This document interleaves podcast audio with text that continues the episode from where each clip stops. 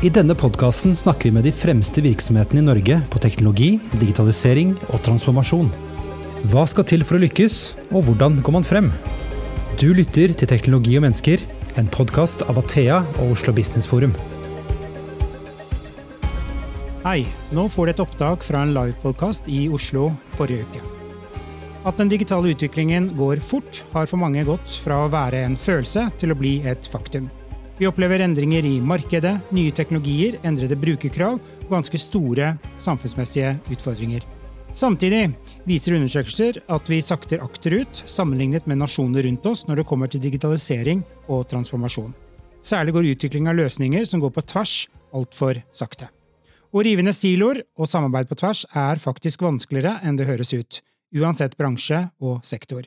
I denne episoden spør vi om det er høy nok innovasjonsfart i offentlig sektor, hva hemmer digitaliseringen, og hvordan kan vi gire opp? Det er ganske mange oppgaver som ligger foran oss som samfunn. Da setter vi i gang. Vi har med oss tre fantastiske gjester, og en av de Det er kanskje litt teit å si, men en av de er faktisk min eh, personlige favoritt. Det er ikke lov å si det, men de andre er like bra, de òg, altså. Eh, den piper vi bort. Eh, det er Nina Olsen Munthe, avdelingsdirektør i Digitaliseringsdirektoratet. Katrine Jansson, leder for politiets IT-enhet og årets digitaliseringsleder i fjor. Og så har vi vår egen Petter Moe, CTO i Athea. Velkommen opp på scenen. Jeg må bare si en ting her til starten. Dere er alle mine favoritter. da. Jeg fikk litt dårlig samvittighet nå et øyeblikk. Du sa ikke hvem det egentlig var. Det er sant, så det er en cliffhanger. Jeg kan avsløre på slutten, da. Nei da. Eh, velkommen, i hvert fall. Eh, jeg tenkte vi skulle starte litt høyt, Nina. Fordi som jeg sa i innledningen, så står det kanskje ikke så bra til eh, når det kommer til digitalisering som vi skulle ha ønsket. Hva er din status på dette? Men aller først, da, så kan jeg røpe min favoritt, og det er Katrine. Hun er jo mitt store forbilde. Så nå som jeg liksom rykket litt opp i gradene, så skal jeg lære av deg nå. Vi har allerede på bakrommet avtalt tid for eh, opplæring. Ja. Så nei, men du, du var eh, rikets digitale tilstand, sikter du kanskje litt til. Men jeg har bare lyst til å starte litt med det som er positivt. For det er jo det er ikke bare trist og leit. Og vi får jo veldig mye til sammen når vi gjør ting i lag, og når vi på en måte setter gode krefter sammen. Og så har jeg lyst til å fremheve det som går på fellesløsninger. Vi har en ganske bra digital grunnmur med fellesløsninger som jeg jobber med. Jeg kommer jo fra Digitaliseringsdirektoratet og har ansvar for en del fellesløsninger. Og så er vi så heldige også at vi har eh, en eh, Altså at innbyggerne er jevnt ganske gode på å tilegne seg digital kompetanse, eller de har en ganske høy digital kompetanse som gjør at de kan ta i bruk de løsningene som vi lager. Og så er det jo også sånn at eh, eh mange av disse offentlige virksomhetene de syns at de eh, lykkes med de prosjektene de selv initierer og har i sin egen virksomhet. Eh, og så går det ikke så bra med de eh, prosjektene som går på tvers. Der klarer ikke virksomheten å ta ut eh, gevinster, og det gjør jo også at man kanskje ikke bruker nok tid på det. og Det kommer vi helt sikkert tilbake til, fordi det er jo noe med måten ting blir finansiert på og styrt på som gjør at ikke det legger til rette for at man skal få det til heller. Og så er det jo dette her med å utvikle eller deling av data. Der er vi heller ikke så veldig gode. Eh, der sier f.eks. statlige virksomheter at, eh, de deler, at det er 29% av statlige virksomheter og 19% bare i kommunene som deler data. Eh, så ja, så det er ikke sånn Nei, også det som er litt sånn trist, det er jo det at ting går nedover. Det er, på flere av disse benchmarkene så går vi ned. Og sånn skal det jo ikke være. Og nå er vi jo ikke sånn best i verden lenger heller. Ikke sant? De eh, andre nordiske landene går forbi hverandre. Vi ligger på tiendeplass og femteplass, hvor vi før har vært på eh, topp tre. Ja. Mm. Katrine, nå har du kasta skjerfet. Hva er din uh, diagnose på dette? Jeg tenker at jeg syns jo spørsmålet er litt rart. Er det høy nok innovasjonstakt? Så jeg ville reformulert denne episoden til å si er det innovasjonskraft og takt i offentlig sektor? Fordi jeg tenker at vi vi mange baler egentlig med gammel teknologi, gamle arbeidsformer, og er i form med å tilegne oss best practice og jobbe på andre måter, smartere, levere litt og litt kontinuerlig og så videre. Det er ikke innovasjon, det er liksom state of the art, egentlig. Men, eh, men offentlig sektor har jo vært litt treige til å lytte til markedet og ta state of art innenfor uh, teknologiutvikling da, eh, som, som, en arbeidsform. Men vi er nå mange som er eh, godt i gang, så, så, det er jo håp i tunnelen. Men jeg vil ikke si at vi driver med nevneverdig mye innovasjon. Eh, vi driver og prøver å, å forbedre på en måte det vi har, og så er vi flere som er på et ganske dårlig ståsted, og vi feirer både 30-, og 40- og 50-årsjubileum for, for gamle løsninger i de ulike etatene. det er jo trist. Da sier du for sjæl at uh, det er ikke så lett å innovere da. Du må rydde opp først. Jeg tenker det at jeg er vant til å tenke at vi har eh, på en måte verdens beste offentlige sektor på mange hold. Vi har digital eh, selvmelding, vi har digitale resepter, vi har Altinn og alt det som ligger rundt der. Mange land som er naturlig å sammenligne det med, så har ingen av de. Men det er et voldsomt strekk i laget, hvis man ser bare på hos dere. Eh, dere har jo en del ting som har tatt frem med den der eh, foreleggsappen og alle de tingene som er helt frem, hvor du faktisk utvikler det. Og Samtidig så er det slik at hvis du driver med skyting, eh, så finnes det et sånt mystisk papirgreie med fire gjennomslag. En blå, en sort og en gul som du må skrive på, som ingen kan skjønne etterpå. Så innenfor samme etat bare så har du et voldsomt spenn mellom det som er helt foran og ute her, og det som er veldig langt unna. da. Så snittet av det blir jo kanskje ikke så imponerende nødvendigvis, men, men mange ting er jo veldig bra. Det er jo det vi ser, at det er stort strekk i laget. Og de fleste av oss har jo kanskje ikke den interaksjonen med statlige virksomheter, men kommunene. Og der er det jo eh, mye å gå på. Og jeg eh, jobber jo faktisk med en tidligere ordfører med 2000 eh, innbyggere, og han sa men herregud Nina, hvorfor skal jeg bruke digitale løsninger? Eh, barnehage eksempel, da ringer jeg jo bare rundt til folka i Altså jeg kjenner jo alle i kommunen min, så da tar jeg bare av røret og så ringer jeg og sier at du har fått tilbud om barnehageplass. Hvorfor skal jeg lage et digitalt system for det? Så det er noe med at mange kommuner er jo veldig små og har ikke den kraften til å kunne eh, bidra, eller eh, ja, vi snakker om deling av data. De sitter jo på masse data, men ikke har muligheten eller folk eller, til å få det til. Tar av røret. Så vi snakker fasttelefon også? Ja, til og med fasttelefon. Hva da? Sånn er det. Hvilken kommune var det her? Var det? ja, det, ja, nei, det kan jeg ikke si, faktisk. For det er eh, ja, det, er ikke mange år siden, da. Okay. Nei. Mm. Men jeg syns jo dere er så høflige og snille og, og ønsker å se liksom eh, det gode i det som skjer, og det er bra, det, altså. Men jeg blir litt sånn eh, Det skulle da bare mangle Eh, ikke sant? Eh, og, og, nettopp det at vi sakter akterut, gjør at jeg kjenner på en større og større utålmodighet, og ærlig talt, jeg forventer mer av samfunnet enn at eh, jeg jubler når vi greier å få bort papirene på våpensøknadene. Men mange skyttere blir veldig glade da. Ja, da men, men, tilbake til introen din. Du starta jo på med å si at endringen går så raskt nå. Det tror jeg kanskje er den nest største livsløgnen ut der. Endringa kommer aldri til å gå så sakte som nå det vi tror er hurtig, eh, det er sedat. Vi, eh, så jeg er helt enig med at det må skje mye raskere. Fordi det kommer til å treffe oss mye mer. Hele tida. Og så skylder vi jo ofte også på regelverk, ikke sant. At eh, det er ikke lagt til rette for. Og det finnes det også mange gode eksempler på, så vi trenger også regelverksutvikling. Jeg snakket jo med kollegaer i Statens vegvesen, de har jo lyst til å digitalisere vognkortet, men da står det i loven at vognkortet skal ligge i bilen. Og da er det jo ikke så lett å få til å digitalisere det kortet. Da må det i hvert fall en regelverksendring til for å få det til. Så det er jo på en måte litt sånn Ja, det, det kan være krevende. Ok. Ja. Det, dere maler jo et ganske sykt bilde, da. Det kan ikke være så ille. Nei, det er altså men, men ikke sant, jeg tror når vi sitter her nå, så jeg føler meg litt eh, programforplikta til å være litt utålmodig. Ikke sant? Hvis jeg setter meg og sier ja, det går så bra nå, kjempefint, vi har gamle systemer, og vi har bura dataene inne i ulike løsninger, og vi kan vi, Politiet aner jo ikke hva politiet vet. ikke sant? Sant? Um, ja, eh, litt utålmodighet eh, må vi, må vi legge på bordet, er du ikke enig, Kristian? Jo, jeg er veldig enig. Eh, men jeg tenker vi skal gå litt videre, da. Eh, fordi eh, i min innledning så nevnte jeg jo dette med smidig utvikling, tverrfaglig samarbeid, og det nevnte jo du også, Nina, at det får man jo ikke til i offentlig sektor ordentlig. Du har jo vært en sånn fanebærer, du hater jo meg når jeg sier smidig utvikling, men, for du kaller det tverrfaglighet osv. Hvordan er det i offentlig sektor? Er det bare politiet som driver med det, og de store som Nav og Skatt osv., eller er det nå en etablert metodikk? Nei, jeg tror det begynner å bli en etablert metodikk, men så er det strekk i laget her også. og det, det, det er ikke noe du Du kan liksom ikke sette strøm på eh, denne måten å jobbe på, og så virker det neste uke.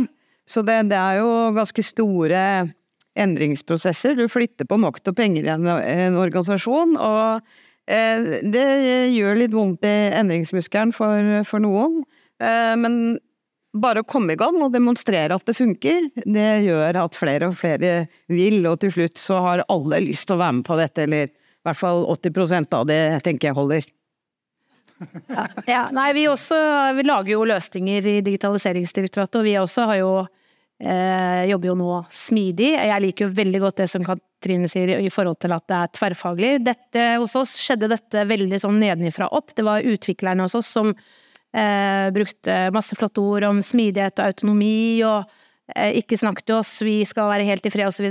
Og så er det jo klart at det jeg syns har vært utfordrende med det, det er at eh, utviklerne i stor grad da skal bare sitte og holde på for seg selv, men det nettopp er tverrfaglighet. Du skal ha med deg gjerne juristen, du skal ha med designeren, du skal ikke sant. Det er mange Eh, de som snakker med brukerne. Eh, og det Der har vi eh, en liten jobb å gjøre da, med å se liksom det totalbildet. Så det er sånn smidig, men få med hele laget, og, for, og at også utviklerne har forståelse av at da må flere enn bare utviklerne sitte og, og lage løsningene. For sånn er det litt hos oss. Så vi er kanskje veldig sånn, litt premature ennå, da. Dere kanskje kommer litt lenger enn oss? Litt Nei, Nei, jeg vil si at vi er på begge ja. deler. fordi at i, i PIT, det er jo også Det er noe eh, eh, En svakhet i modellen med at PIT er en egen enhet. Ikke sant? Du, du er ikke veldig tverrfaglig bare i den organisasjonsformen. Så jeg bestemte meg jo for da jeg begynte PIT at jeg måtte på en måte eliminere disse styringslinjene og organisatoriske grensene og bare søke eh, eh, kompetanse. Hvem er det som liksom vi bør sette sammen for å få til dette? Eh, og, og, bare sette i gang, og så demonstrere at dette er en fin måte å jobbe på. Og alt det vi har satt i gang, har jeg eh, bevisst sagt at vi leverer eh, kompetanse og kapasitet, utviklere, designere, hva det måtte være. Men, men, dere som eier faget, domenet, dere må styre på en måte utviklingen. Eh, sånn at det ikke blir sånn teknologidrevet utvikling, da. Uh, og da har vi et, uh, vårt første produktområde som, som, by the way liksom tar et veldig, veldig svær bit av kaka. Men der har vi kommet i gang. Og der liksom begynner folk å skjønne hva en produkteier faktisk gjør, og at vi kan ikke ha fem ulike deler av politiet som bestemmer hvordan vi skal håndtere beslag. Det må skje ett sted. Altså, og, og, da med en gang begynner du å lirke, så vi er jo litt der nå at oi, hva er det dette produktområdet beslutter, og hva er det linja beslutter? Og det tror jeg Nav også har, har erfaringer med at kan være litt krevende, da. Men eh, så, så da kommer Ja, eh, vi satte kanskje i gang litt før vi visste alt dette, men det hjelper jo ikke å være etterpåklok. Altså, etterpåklokskap er et helt Det setter vi et kryss over. Nå har vi lært! Nå vet vi litt hva vi kan begynne å justere på. Det hadde ikke vi greid å sitte og utrede for et år siden. Så du må bare tørre å sette i gang, demonstrere at det funker, og så skalere det ut fra det. Da. Det er vår tankegang. Derfor så har vi nå begge deler. Jeg jobba innenfor regimet hvor vi begynte på å jobbe med speedy innenfor softwareutvikling. Da var vi rundt 2004-2005 eller noe sånt, kanskje. Eh, og så har jeg vært inne i regimet i, inn i Forsvaret, hvor vi begynte å innføre DevOps. Og, jeg føler at det litt den tilstanden vi er nå, er at det har kommet nedenfra. Det er i bruk, det er forstått. Det er ingen som driver på med softwareutvikling som ikke forholder seg til smidig. DevOps begynner på å gå den samme reisen. Men governance-mekanismene på toppen de er fortsatt styrt av årsbudsjetter og fire, fireårsplaner. Så en del av de rammene som ligger over oss, har ikke fanga opp den samme fleksibiliteten og, og, behovet for å styre underveis. da. Eh, så, så, jeg tror er egentlig det er en naturlig progresjon at det der flytter seg oppover i stekken. Eh, men det må tas tak i også. Og så ser jeg også det at den, den politiske prosessen som vi har, den går jo på at man, man forhandler frem budsjettet, og så blir penger putta på de forskjellige etatene. Hvis man bringer en smidig modell der, så punkterer den modellen litt. For da må du være i stand til å dynamisk reagere på hva som foregår underveis. Så, så det, det er potensielt en stor endring. Og det er jo det som er krevende, for det er ikke sammenheng mellom hvordan vi har lyst til å jobbe, og hvordan eierne våre, da, departementet, ønsker å styre oss, eller eh, hvordan vi blir styrt. For eh, de ønsker jo at alt det vi skal gjøre, det skal inn i en eller annen form for prosjektmodell, eller eh, altså inn i et prosjekt, og at du skal på en måte ha klare og tydelige milepæler hele veien. Og så kommer man jo kanskje til et punkt hvor man ser at å nei, her var vi jo ikke det, det, er jo ikke sånn vi skal løse det, nå kan vi gjøre det på en annen måte. Og da blir jo selvfølgelig eierne våre forvirret. Jeg vet jo også Hans Christian Holte har jo vært ganske frustrert over det, da.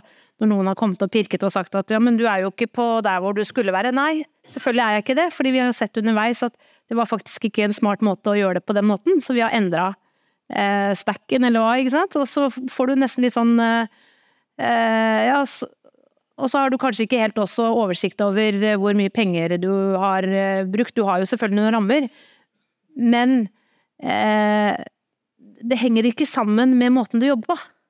Så det er ganske krevende, og for oss også når vi er inne i en stor modernisering av ID-porten, og da vet vi ikke om vi har penger til å ferdigstille liksom, arbeidet. Fordi at du får disse eh, pengene for ett år av gangen gjerne. Så det, er sånn, det er litt eh, slitsomt da, når ikke man har fått dette til eh, hele veien, eller de henger ikke med, da. En stor omlegging i dette òg er at du må fokusere på hvilken verdi er det vi skal skape. Så hvordan ser fremtida ut om ti år, hvis vi har gjort dette, dette, dette, kommet oss i skya, fått orden på dataene våre, nei, nei, nei, nei. Ikke sant? Hvilke, hva kan vi, kan vi da i politietaten gjøre mer for mindre? eller flytte på uh, kapabiliteter, sånn at vi kan hele tiden fokusere det som er liksom det største samfunnsproblemet i kriminaliteten. Og der tenker jeg vi IT-folk også må litt mer på banen og hjelpe til, og artikulere eh, hva som ligger i dette over tid. Og så er det jo sånn at politikerne er jo de er liksom opptatt av de neste fire årene, altså, uh, og det er det jo stort sett hele tiden. Um, så, men allikevel så tenker jeg at det, vi kan ikke gi opp å levere et litt større fornuftig bilde av hvordan kan uh, vi utvikle norsk offentlig sektor til det beste for samfunnet, både økonomisk og for innbyggere og trygghet og hva det måtte være. Ja, da må vi greie å artikulere det. Så vi blir jo på en måte pressa litt til å kaste oss på den årsbølgen, og da blir vi liksom kortsiktige alle sammen i tankegangen. Så er, jeg tenker også at eh, vi skal sette i gang en, en jobb på dette nå. Prøve liksom Hvordan ser det ut når vi har gjort det vi har lyst til å gjøre? Hva kan, hva, hvilken rolle spiller politiet da? Hvordan jobber de da? Uh, og det tror jeg vi må gjøre mer av alle steder. Rett og slett artikulere det litt mer langsiktige. I Forsvaret så bruker man ofte å si at eh, tillit er bra, men kontroll er bedre. Det syns jeg vi skal utfordre. Jeg tror det nye ordtaket er Tillit er bra, kontroll er oppskrytt. For det er det som dytter oss tilbake i det regimet, sant? hvor vi må legge tiårsplaner med life cycle kost og alt det der. Da. Så jeg tror det vi skal si er at det vi trenger å sikte på, er læring. Tillit det bra, læring er viktig. For å få til læring så må du ha transparens.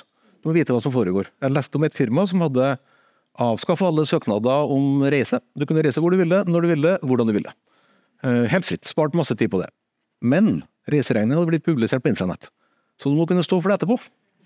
Jeg reiste dit fordi det ga mening, og den kosten tok jeg. Kostnaden gikk ned. Altså Reisekostnaden til virksomheten går ned. Så sparer jeg meg masse eh, tid på utgiftene rundt det.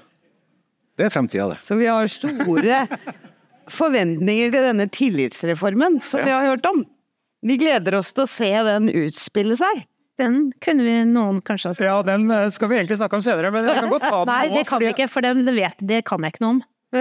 Kan, ikke snakke, kan, noen, kan noen snakke om det? det nei?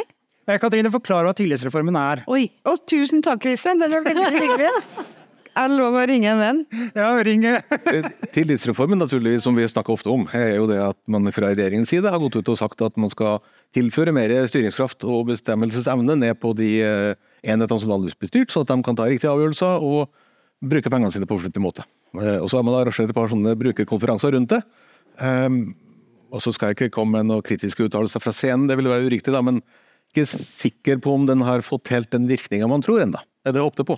Men det som er en utfordring, da, tenker jeg, i forhold til det vi snakker om nå med tillitsreform, det er jo det at selv om vi blir Jeg sa jo innledningsvis at det er flott at vi har en befolkning som er digitale, ganske kompetente. Samtidig så har man jo nå fått øynene opp på dette med digitalt utenforskap.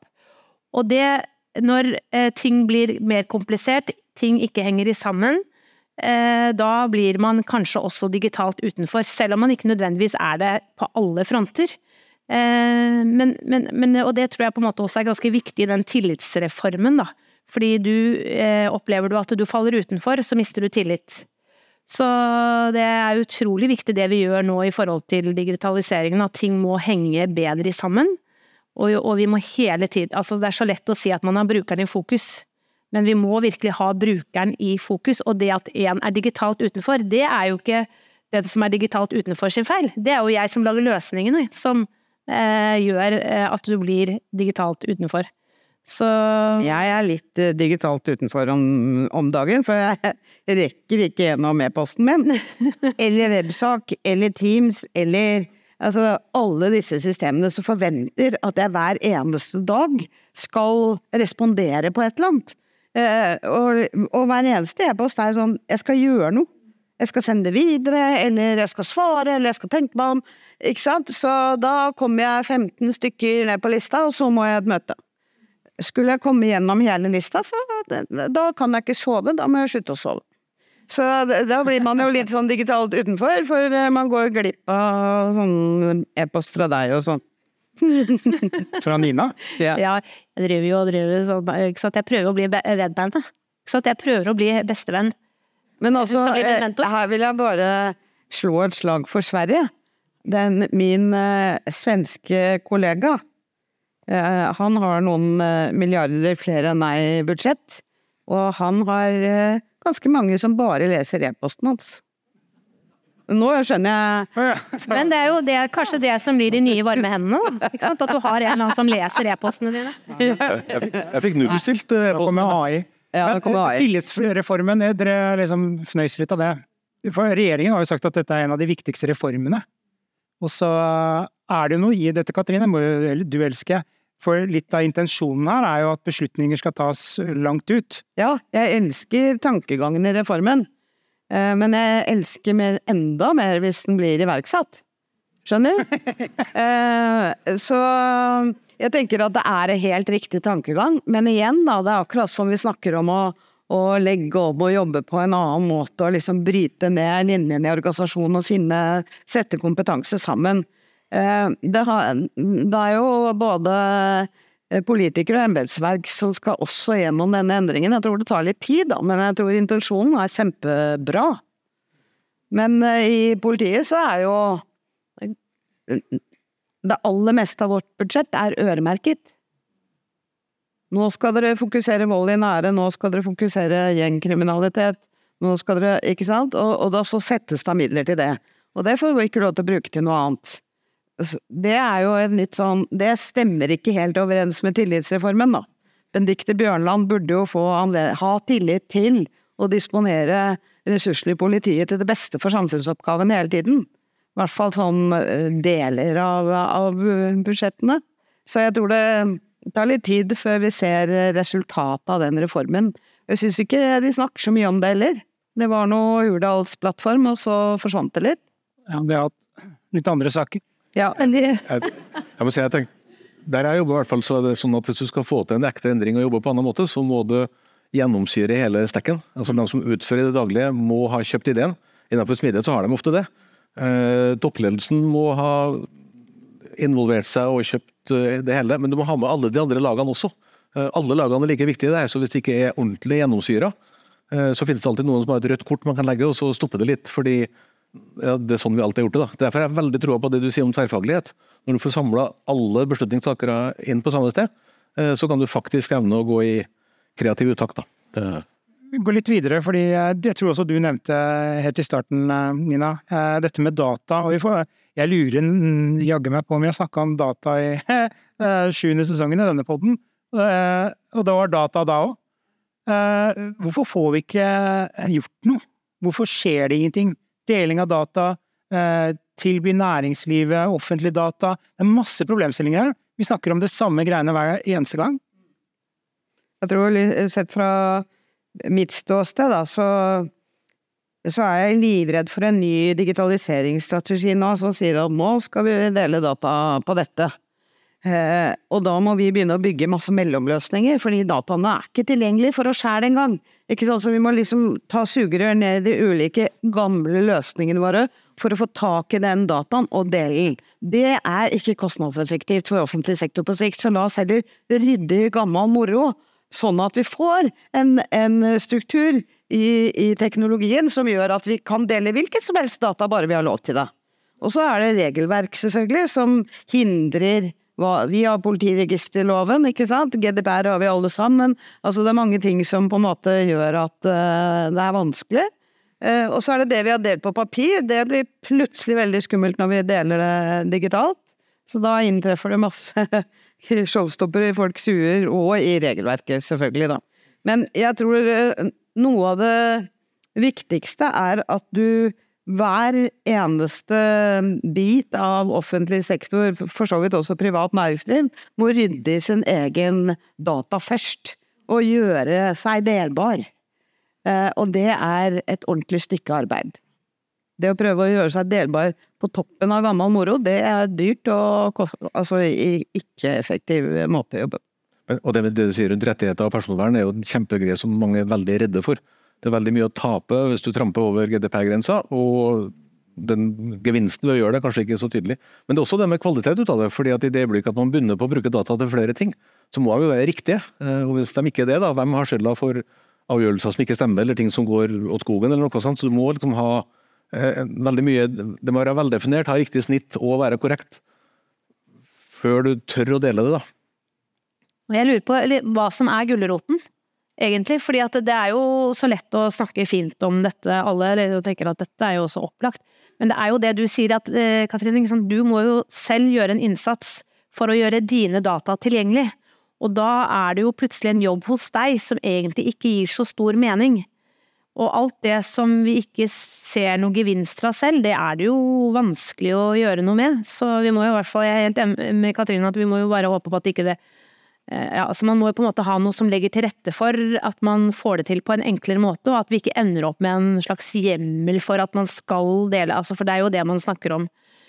Men vi har jo lagd eh, masse flotte Selv sitter jo Digitaliseringsdirektoratet og forvalter dette som heter Felles eh, datakatalog, hvor du kan gå inn og se på API. altså Der kan du som virksomhet legge ut, og så kan andre eh, bruke det.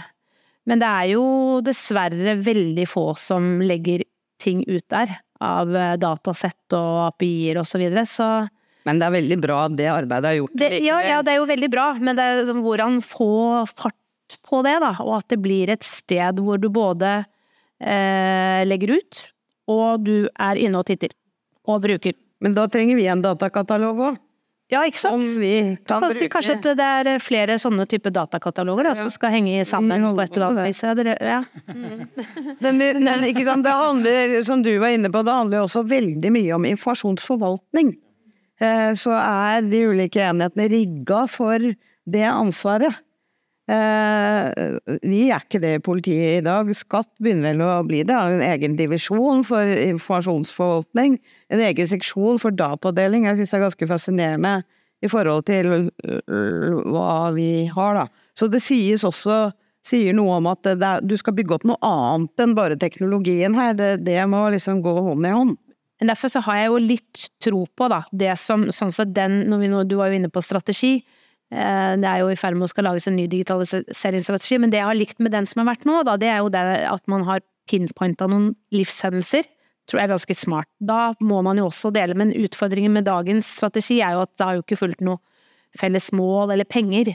Så det er veldig krevende å få det til, men å på en måte synliggjøre noen sånne områder da, som vi skal lykkes med. Og så, med penger, at det følger penger med, det har jeg tro på.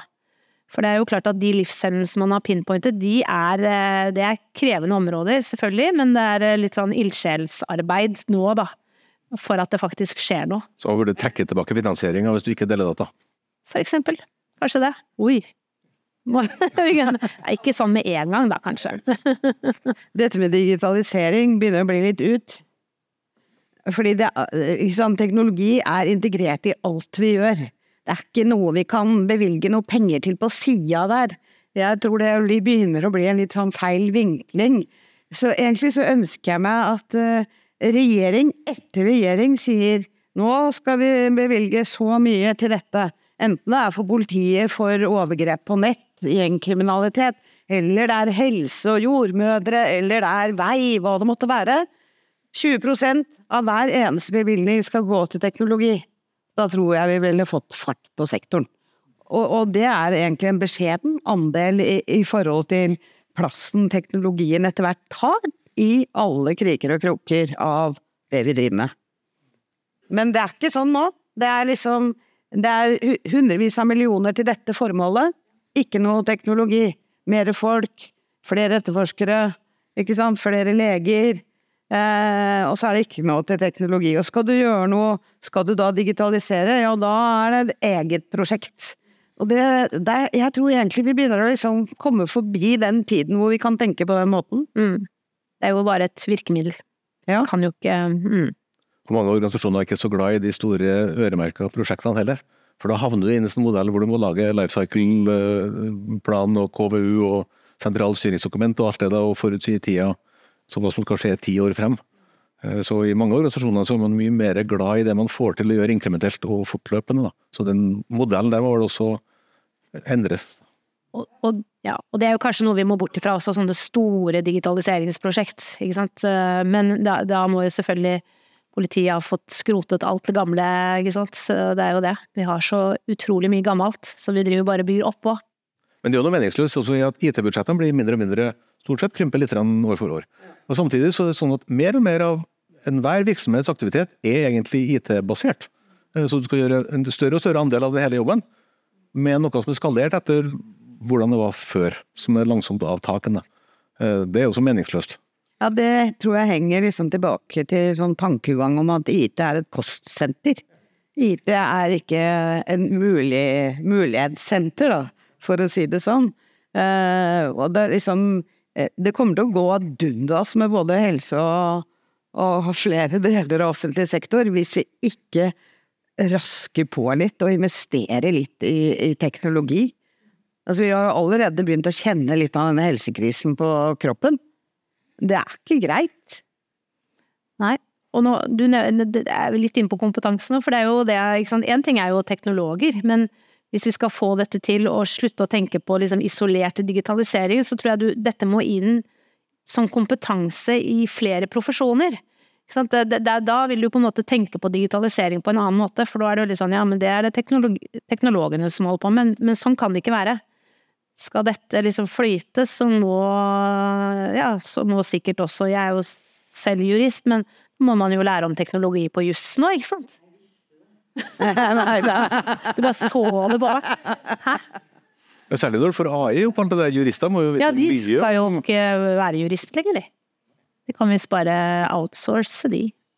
Men eh, la oss snakke litt om penger. eh, Fordi du sier altså teknologi koster jo penger. eh, Statsbudsjett, forslag til nytt statsbudsjett. eh, Du snakker om at dere feirer 20-30-40-årsjubileum.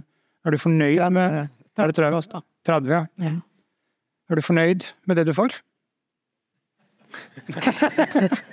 35 millioner eh, eh, i, i 24, eh, eh, tror jeg tallet var. Eh, jeg var ikke ferdig helt enda. Men eh, nei, det, det burde vært en del av hver eneste satsing for politiet, og helt sikkert for alle andre òg. Ikke sant? At vi, eh, en forståelse hele veien på at vi kommer ingen vei uten teknologi, da. Og jeg tenker liksom um, I dag så, så jobber vi hvis vi driver digital etterforskning, som du gjør for overgrep på barn, som du gjør for gjengkriminalitet, som du gjør for økonomisk vinningskriminalitet Som du gjør det i dag. Kriminaliteten er digital. Eh, så må du gjennom tolv systemer som ikke snakker med hverandre for å få ut analysen din. Det, det er så mye tid som går bort til det. Da tenker jeg det er min jobb å artikulere hvordan kan vi liksom gjøre jobben ti ganger så raskt og med bedre kvalitet, da. Og da trenger vi ikke bare 200 nye etterforskere, da trenger vi å modernisere straffesakskjeden vår, eller verktøyene vi bruker i den kjeden. Så det burde henge sammen hele tiden. Eh, det, jeg tror det er enda noen år før vi er der, men hvis ikke kommer dit litt fort, så så er jeg redd at det går litt eh, for dårlig med oss også. Da blir jeg litt pessimist. Hvem er best i verden på det? Kina, kanskje. Ja. Ja, ikke sant? Ja. Kina har en veldig utstrakt teknologisk strategi på liksom toppnivå. Og vi har ikke en minister engang på dette området. Kanskje det er det man må være. Distriktsminister, da. Men du, det er jo eh, ikke, altså det er bare ikke det, men altså litt sånn diktatorisk styre òg, da. Fordi at det er veldig stor valgfrihet i de ulike sektorene som gjør at det også er krevende å få til samhandling på tvers.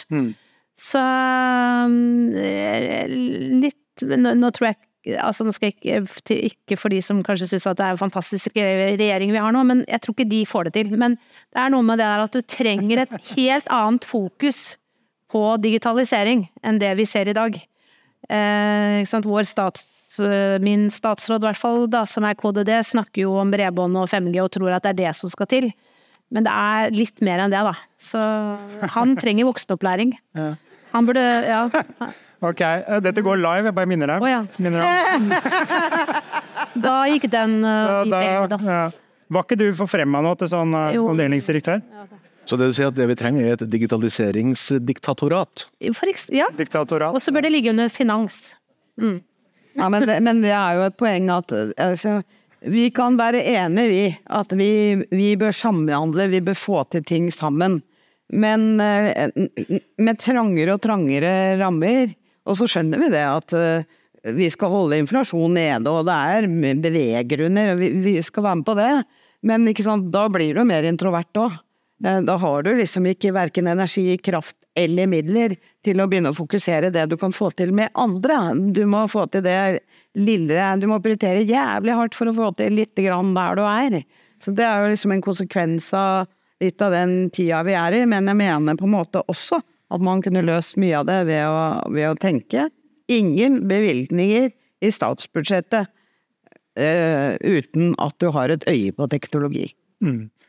Fordi vi nærmer oss Vi må gå inn for landing. faktisk. Nei! Dere snakker jo så mye. Eh, og det er egentlig veldig deilig, altså. Eh, det er ikke det. Men eh, jeg tror det var du, Nina, som nevnte at eh, det kommer jo nå Eller alle nevnte det, for så vidt. Eh, det er mulighet nå for å gi innspill til den nasjonale digitaliseringsstrategien. Så jeg tenkte vi skulle ta en runde. Kanskje du har brukt din 80-20-regelen? Eller Nina, hvis du eh, skal sende inn et innspill til denne regjeringen, hva, hva, vil du, hva vil du ha? Jeg er jo veldig opptatt av eh, fellesløsninger. Jeg har jo veldig stor tro på at hvis vi kunne ha i større grad har laget løsninger som er bra for mange, så vil det spare AS Norge for masse penger. Men da må disse fellesløsningene også ha et regime som gjør at de får finansiering, og at eh, vi eh, Sånn som vi ser Og at vi er tro til konseptet, da. Eh, ja. At vi får på en måte en grunnmur som gjør at man kan bygge på den. Og, og, og at virksomhetene da kan innovere, så at ikke alle sitter på hver sin tue og lager noe eget. Men at vi får laget de der løsningene på tvers, som mange kan bruke. Det tror jeg er smart. Petter? Jeg er veldig glad at jeg ikke er politiker. Um, det tror jeg er en veldig vanskelig jobb. Uh, og jeg tenker at noen av dem som sitter og har den vanskelige jobben i dag, da vi, i forhold til det vi prata om tidligere, om at det med liksom smidighet og koordinering og noe som kommer nedenfra, uh, så tror jeg det er naturlig at man fra politisk side, når det skjer så mye som det gjør akkurat nå, da, at det er vanskelig å forholde seg til bredden i det. Så jeg tenker at vi, alle, alle i salen her i hvert fall, vi må hjelpe til å, å bidra og synliggjøre hvor viktig det er at, at man fortsetter å gå den veien, eh, imot å egentlig produktfinansiere, som du snakker om, da, og, og kjøre den prosessen fra topp til bånn med finansiering, og dytte det den veien. Eh, For det tror jeg blir helt nødvendig. Ok, Katrine, vi har eh, ett minutt. Får jeg lov å si noe? Ja, du får det. Ja, jeg tenker at en viktig ting er at man har et litt sånt felles og våkent øye på at spesielt offentlig sektor beveger seg i takt. Eh, Nå er det ganske mye skjevfordeling av milliardene i forhold til digitalisering. Og det har blitt sånn fordi den som er flinkest til å skrive søknaden sin, eh, kan få penga, på en måte. Men liksom, da, da stopper det opp på et eller annet eh, plan, for du får ikke med deg hele kjeden i det som vi bør se på felles. Så det er litt sånn helhetlig porteføljestyring på offentlig sektor tenker jeg hadde vært smart. Og en digitaliseringsminister. Og en digitaliseringsminister. Oi, ryktene sier At det at det er på vei. Uh, hvem? Skal vi sitte her nå og liksom Ja, vet du et navn? Skal Nei, du si det? nei, nei, det gjør jeg ikke. Men vi kunne jo ønske oss, da. Ja, hvem jeg vet ikke, det? hvem jeg skulle ønske da. jeg- Den eh, jeg likte best var Astrup var veldig flink, men det er jo feil, det er feil parti, da. Men det kunne jo hende at han kunne bare ha endra De kan jo samarbeide litt De kan jo det, Veldig bra. ikke sant? Mina, Petter og Katrine, tusen takk for at dere kunne komme, og tusen takk til dere som har hørt. Du har nå lyttet til Teknologi og mennesker, laget av Athea og Oslo Business Forum. Liker du podkasten, setter vi stor pris på om du gir oss noen stjerner. Og tips gjerne en venn om podkasten.